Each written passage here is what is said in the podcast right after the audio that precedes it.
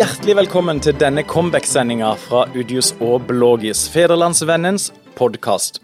Som før koronapandemien satte inn, så er mitt navn Vidar Udius og jeg er politisk redaktør. Og som før koronapandemien satte inn, så er ditt navn Karen Kristine Blågstad, kulturredaktør i Federlandsvennen. Hjertelig velkommen til deg, Karen. Godt å se deg og godt å være i studio igjen. Ja, det er det. Ja, Og vi er i dag i studio i din fødeby. Arendal. På Arendalsuka en eh, fest av et eh, Hva skal vi kalle det for noe? Et demok demokratisk fest. Tettpakka uke, mye som skjer, og mange mennesker som er på besøk i byen. Og derfor har vi også fått eh, en av våre absolutte favoritter på besøk i studio han kan få lov til å slippe å si sitt eget navn. Han kan introdusere litt sånn. Du, du kan bare begynne å snakke, og så kan lytteren uh, høre seg fram til hvem vi har besøk av. Ja, altså jeg har da ei stemme som noen syns minner litt om Valgerd Svarstad Hauglands stemme. Som noen sa jeg var den perfekte partileder i KrF. Jeg hadde sveisen til Bondevik og stemmer til Valgerd. Uh, og det er Knut Arild. Men jeg er jo da òg fast lytter av podkasten. Så jeg har jo savn, Det var et djupt savn. Eh, men jeg har jo hatt det ganske hektisk, så uh, ting kan vel tyde på at jeg kanskje får litt bedre tid, siden dere nå er i gang igjen og jeg kan bli en fastlytter. Du skal være velkommen igjen, og det er veldig, det er veldig gøy å ha deg tilbake.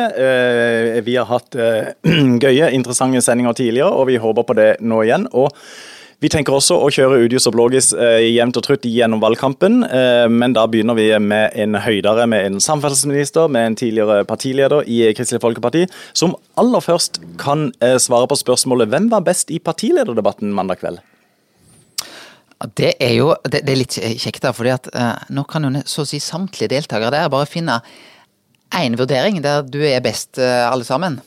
Og, og, og, det jeg vet, da, og det kan jeg være ærlig si, at eh, jeg syns jo at eh, både eh, Jonas og Erna var veldig gode. Men de har kanskje òg litt den enkleste jobben. De er, altså, de er, litt sånn suverene inn i en sånn debatt. Og, og det er litt vanskeligere å være både Kjell Ingolf og Guri Melby eller Une Bastholm i en sånn debatt, for da blir det jo et mindre parti. og Det er ikke så lett å ta det, ta det, det grepet. Eh, jeg syns det var en veldig god debatt. Eh, det var en spennende klima- og miljødebatt. Ble kanskje litt lang. Gode dueller. Eh, så jeg koste meg, og så var jeg veldig glad at jeg ikke var med. Det er ikke sånn at du sitter og verker etter å gå inn i Ropstad sitt sted og Nei. Det, og litt fordi at jeg var veldig glad når alle partilederdebattene var ferdig. For det er litt sånn et ja, litt press. Litt sånn samme hva du litt, sier. Er det, er det, ikke mye press? Jo, det er det. Så det er liksom, det ødelegger litt av både sommerferien og nesten å gå inn i de valgkampene. Så, så det er litt at du Det er litt som at det, det er sånn ur, gjøkur. Der står du ni gjøkur på rad, og så hopper du ut, sier den ene det. Og så blir du utfordra, og så får du ordet fem minutter etter at uh, Audun Lysbakken har angrepet deg, og folk har glemt hva du ble angrepet, på, så skal du da, skal da svare på det Audun Lysbakken angrep meg på, eller skal jeg tenke at nå er det glemt? Så, så det er litt krevende format. Og det er blitt enda mer krevende nå, fordi at uh, det var det er ni partiledere. Uh, I min tid så var det sju eller maks åtte. Og det er òg en stor, stor forskjell. Men etter, etter valget så kan det jo bli færre igjen?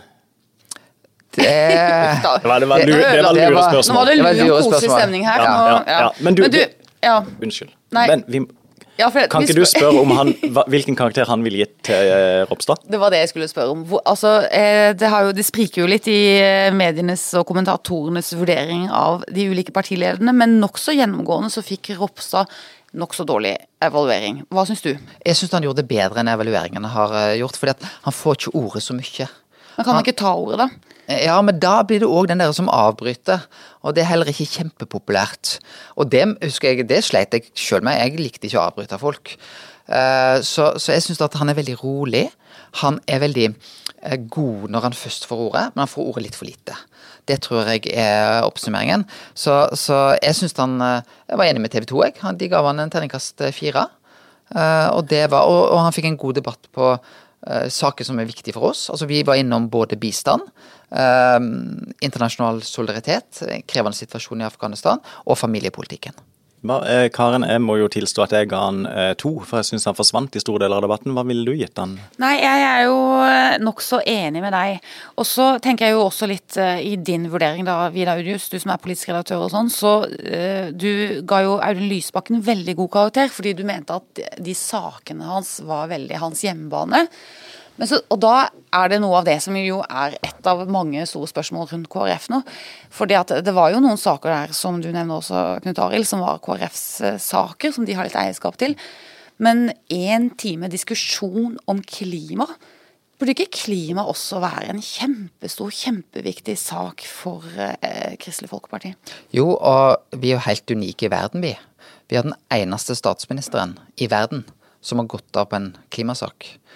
Uh, og det er klart at det tenker jeg det er et ansvar som jeg tror uh, må dele. Uh, Kjell Ingolf, Dagfinn, Valgjerd og jeg må dele.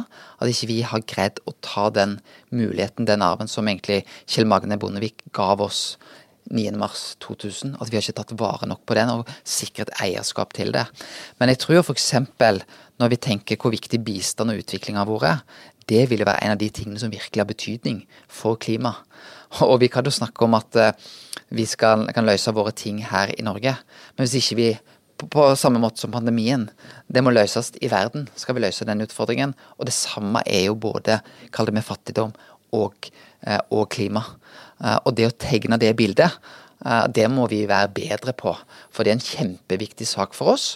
Og så tror jeg din analyse, Karen Kristine, den er riktig. Folk opplever ikke at vi er sterke nok på den saken. Det burde vi vært. Men da er vi også inne på, for, for du trekker inn fortida litt her. og dette har du blitt spurt om noen ganger før, altså hva som faktisk skjedde under retningsstriden osv. Men, men eh, når du ser på situasjonen for partiet som den er i dag, eh, ganske mange målinger eh, under 4% og så er det enkelte som, som, som vipper over. Men når du ser tilbake nå, angrer du på det du dro i gang? Nei. Jeg tror at hvis vi ikke hadde gjort noe, så hadde vi sittet her uh, og støtta en regjering utgått av Frp og Høyre i åtte år. Og så skulle vi inn et valg, og hva skulle vært vårt alternativ da? Uh, og sånn sett så syns jeg situasjonen er litt lysere, nettopp fordi at vi har fått det regjeringsalternativet vi gikk til valg på. Men det er klart at mitt valg med å peke ut en ny retning, var jo fordi jeg mente potensialet for det var større for KrF hvis vi skulle ha nye velgergrupper. Uh, og få til den fornyelsen som òg vi og vi trengte. Men det har, det har, jo gått dårlig for partiet etterpå, har det ikke det egentlig? Ja, og så vil jo noen mene med at det har sammenheng med det retningsvalget vi gjorde. Men jeg tror det ligger en mulighet nå, fordi det vi vet er at vi har en veldig krevende situasjon. Alle vet at dette valget er et skjebnevalg for KrF, og det kan gi oss en mobilisering. Eh, og jeg tror òg mange nå uh, ser det bildet som, som, tegner seg, og da er spørsmålet vil vi ha KrF i rikspolitikken eller ikke. Og det, det, og det gjør òg at, at et veldig samla parti som går inn i, i, i valgkampen nå Vi fikk 5,1 eh, eh, på TV 2s siste måling. Det tyder kanskje på at noen av de velgerne vi har lånt ut til Senterpartiet, eh, er kanskje kommet noe tilbake. Uh, Senterpartiet gikk litt tilbake på den målingen. Og at eksempelvis de som ser familie, distrikt, landbruk, ser at det er viktig å ikke bare ha et sterkt Senterparti, men òg på begge sider av, av, norsk politikk. da. Men, men, men ja, Unnskyld, dette ja. er så typisk. Ja. Dere, man opplever jo at dere har blitt et smalere parti, og så kan det jo være litt sånn samling i bånn, men på en veldig sånn konservativ linje. Hvordan skal dere Altså man skulle jo tenke at hvis dere skulle få flere velgere, så må dere ha, bli litt bredere igjen. Litt, få litt flere aspekter å spille på. Ja, jeg, jeg tror at eh, det er sånn at eh, Jeg tror den opplevelsen folk har av KrF, eh, den må vi si at den er ikke den riktige. Vi må få fram det som er helheten. Og det var jo nettopp det å få med oss uh, hele laget. Og jeg kan også si at en del av de støttespillerne som jeg hadde, som har valgt å ikke bli med videre, det syns jeg har vært, det synes jeg har vært veldig leit. For det er jo den bredden vi er nødt til å ha med. Uh, og så er det selvfølgelig et veldig ansvar på de som har vunnet. Og nettopp sende det signalet at nå vil vi ha bredden med. Har, har Kjell Ingolf Ropstad vært tydelig nok på det? Jeg, jeg, opplever at han har hatt den intensjonen hele veien. Og så er det, har han blitt møtt med saker som på en måte har satt et stempel på han som ikke jeg kjenner meg helt igjen i. Jeg opplever at han ønsker den bredden. Han vil få med seg den bredden.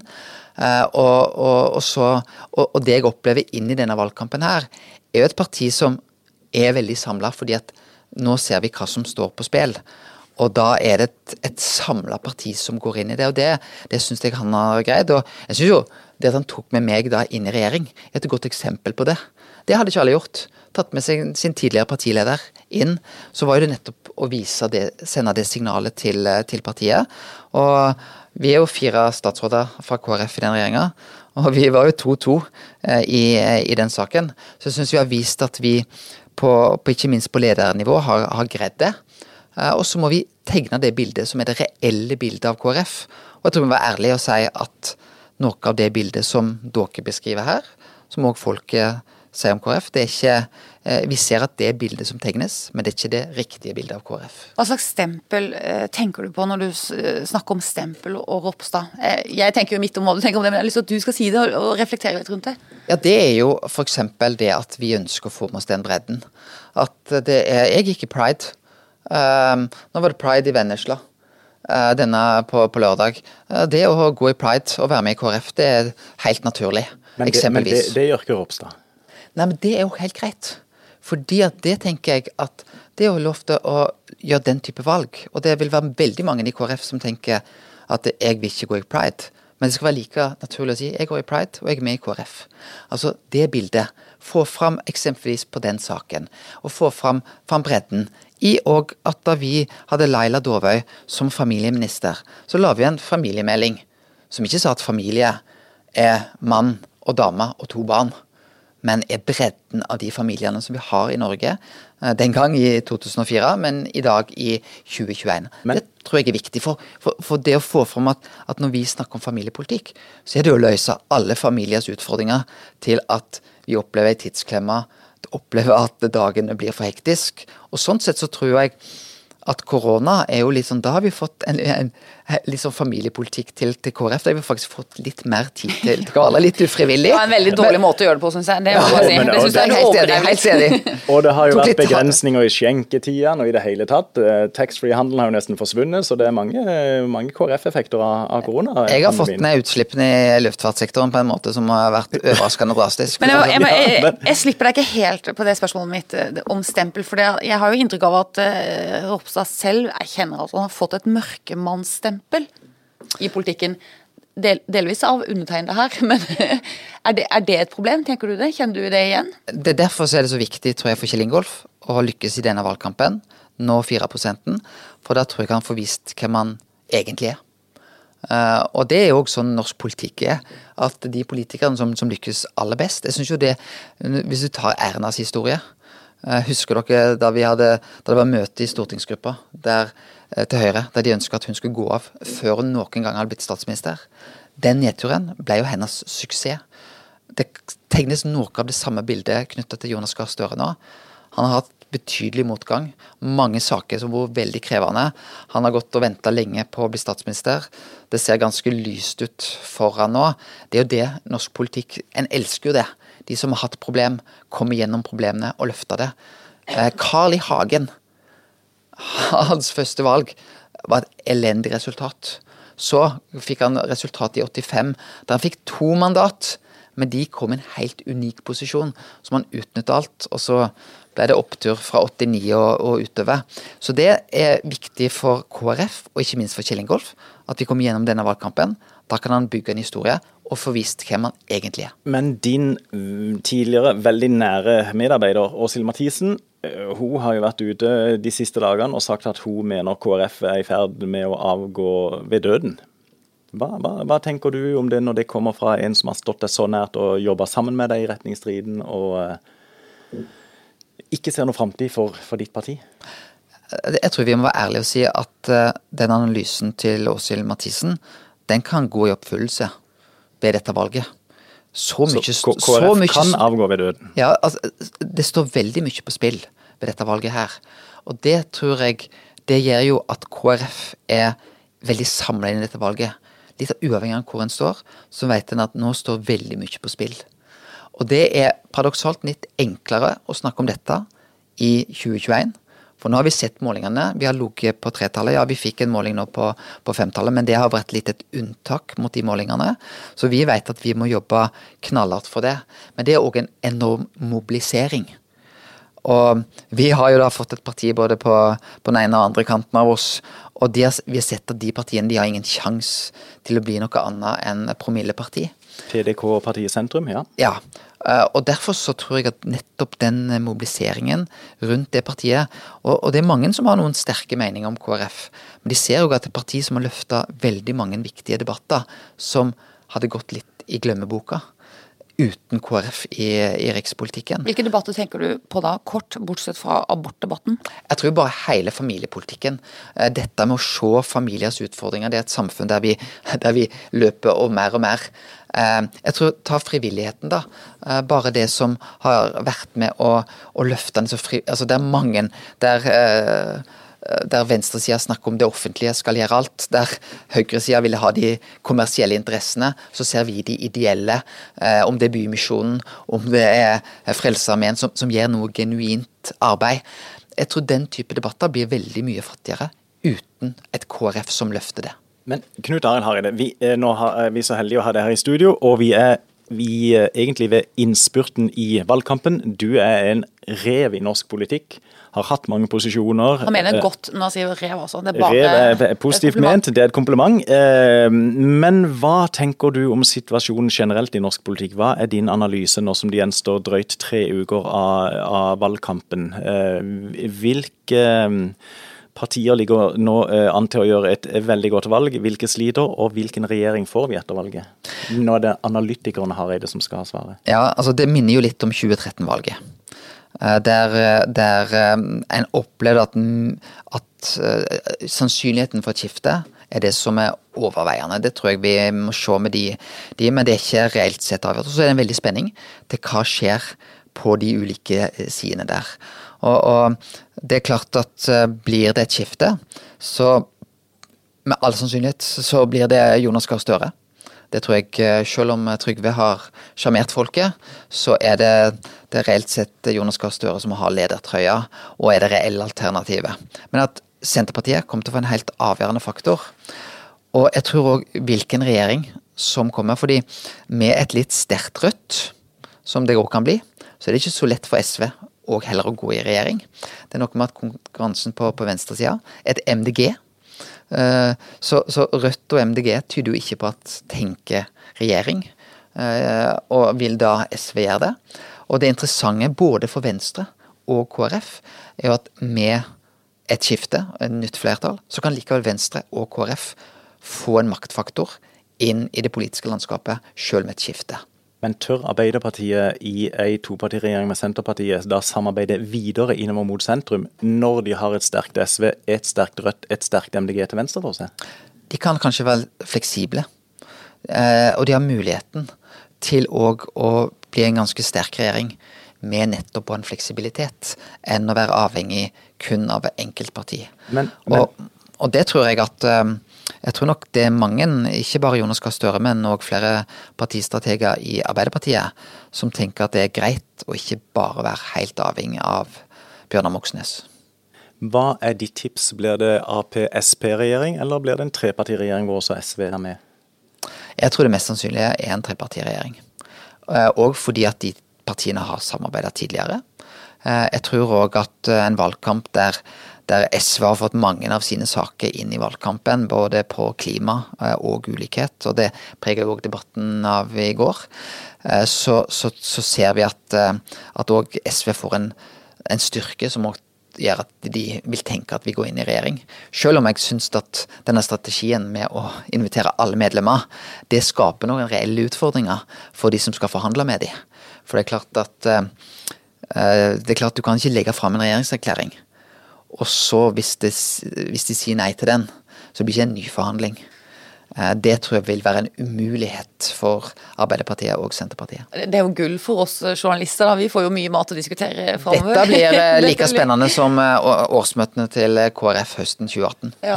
Hva tror du blir det vanskeligste hvis, hvis Jonas Gahr Støre og hans eh, partifrender eh, og eh, samarbeidspartnere vinner valget, hva blir det vanskeligste på den siden å forhandle Hva blir, det vanskeligste for de å forhandle om? Jeg tror nok at de, de store tingene jeg tror, klima blir vanskelig. Fordi at der er uenigheten. Jeg ser det bare på mitt område. Så er det veldig forskjellig hva de partiene har lyst til å prioritere. De, vil de prioritere byvekstavtalene? Det er alle positive til, men ikke Senterpartiet. Jeg tror at òg Eh, og det å få så, så, det er et eksempel på det. Eh, så tror jeg òg innvandring, eh, integrering. Så paradoksalt nok så er det noen av de samme utfordringene som eventuelt vil være der for Jonas Gahr Støre, som har vært der for Erna Solberg. og så vil det jo være noen ting du vil få en, få en reell endring på. men, men jeg tror altså både klima og innvandring, integrering, det har vært de to vanskeligste på ikke-sosialistisk side. Og det kommer òg til å være de to vanskeligste temaene, mm. tror jeg, for en ny regjering. Tida går, Karen. Jeg har to spørsmål jeg gjerne vil stille. Hvor mange har du på slutten? Eh, jeg har to, men mine er ikke så tunge faglige. De er mer sånn eh, joviale. Ja, men da, da, nå snakker vi. Ja. Ja. Kan jeg begynne med ett? Vi tar annethvert, hvert, skal vi det? Da vil jeg begynne med, og det, det må jo være tungt, fordi at du er jo uh, Uansett så er du da samferdselsminister i noen uker til. I, um, ja, uansett hvordan dette her går. Vi i Kristiansand er jo opptatt av uh, byvekstavtale. Hva, hva, kan du si om det uh, per nå? Hva kan du love Kristiansand? Jeg vil ha en byvekstavtale for Kristiansand og Kristiansandsregionen. Og så vet jeg at det er noen utfordringer med det regionalt. Men husk at hvis en takker nei til det, så takker nei til millioner, milliarder til Sørlandet. Og vil en at de pengene ikke skal gå til Sørlandet. Og det er et sånn viktig budskap uh, for både regionalpolitikere, bystyrepolitikere og kommunalpolitikere her i regionen. At sier de nei til det, så, så, er det nok av andre som har lyst på de pengene. Det, det, høres ut, det er jo en, det er jo en direkte trussel. ja, men så, så, så, krever jo jeg litt òg, da. sant? Ja, da, vil en, da, da, vil jeg ha noen bompenger for å på en måte gjøre det. Jeg vil at det skal bli bedre å sykle, bedre å ta kollektiv. Eh, men det er jo en jobb. Kristiansand og de, denne regionen er nødt til å gjøre samme hva. Så hvorfor ikke bli med på et løp der òg staten og Oslo er med og tar en del av regninga? Hvor høye bompenger må vi ha? Tror, det, det, har jeg lyst til å si, Vidar. Fordi vi skal lære litt av uh, Altså, når, når jærbuen blir så sint at de tar høygaffel og går i demonstrasjonstog for at bompengene er for høye, da, da, bør ikke du presse bompengene enda mer opp. Så jeg, jeg tenker nettopp at Sørlendingene er jo det mest populære folkeslaget i, i landet vårt. Så jeg ønsker ikke at de skal gå eh, fra vett og forstand pga. høye bompenger. Men, men, men, sånn at de er med og tar en del av klimaregningen, så skal vi komme med penger.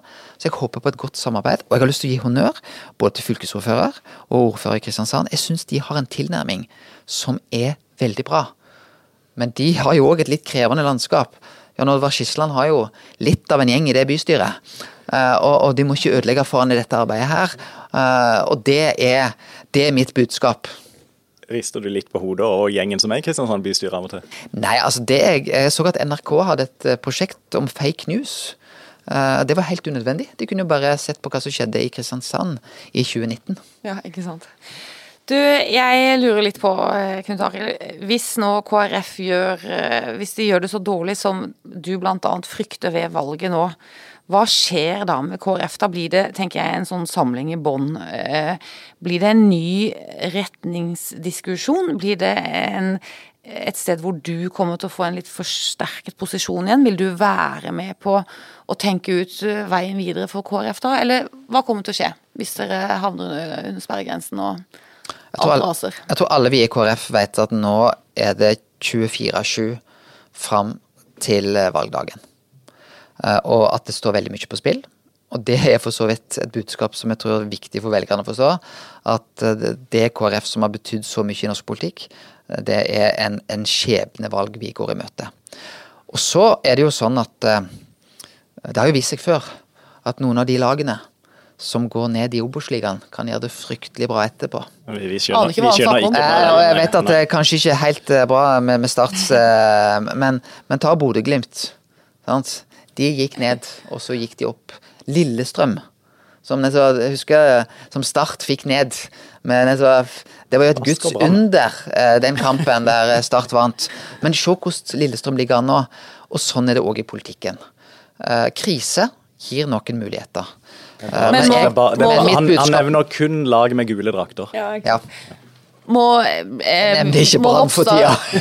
men må Ropstad vurdere sin posisjon? Kommer du til å få en, en sterkere Nei. posisjon? Vil det være sånn Hvem sin skyld er dette? Det var, vi skulle hørt på Hareide, vi skulle ikke hørt på Ropstad. Det var, eller er det Hareide sin skyld? Det var han som utløste dette i begynnelsen? Altså, hvordan blir diskusjonen i KrF? Jeg tror ikke det blir den type Det blir ikke en repetisjon på 2018. 2018, eh, det var den debatten. Og, eh, og hvis ikke jeg får fortsette nå, så er min tid i rikspolitikken forbi. Uh, hvis ikke regjeringa lever. Det kan jeg uh, si. Uh, jeg kommer alltid til å støtte KrF og være en del av det på, på et annet nivå.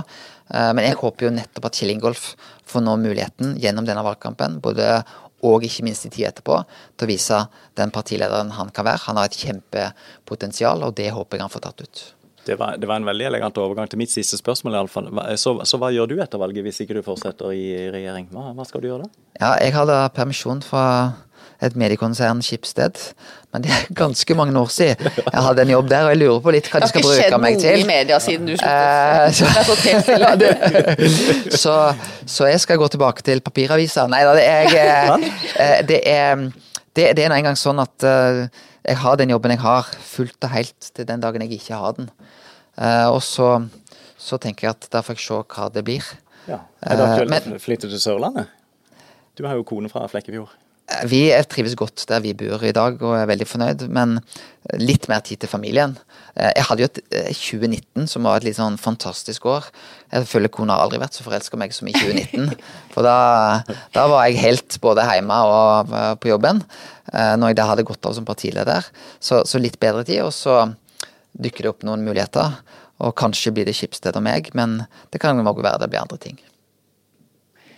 Da tror jeg bare vi skal runde av, og så får vi jo ønske deg veldig lykke til med valget da, Knut Arild. Også uten at vi tar stilling til KrF eh, som sådan. Det var hyggelig at du kom og var gjest hos oss i dag.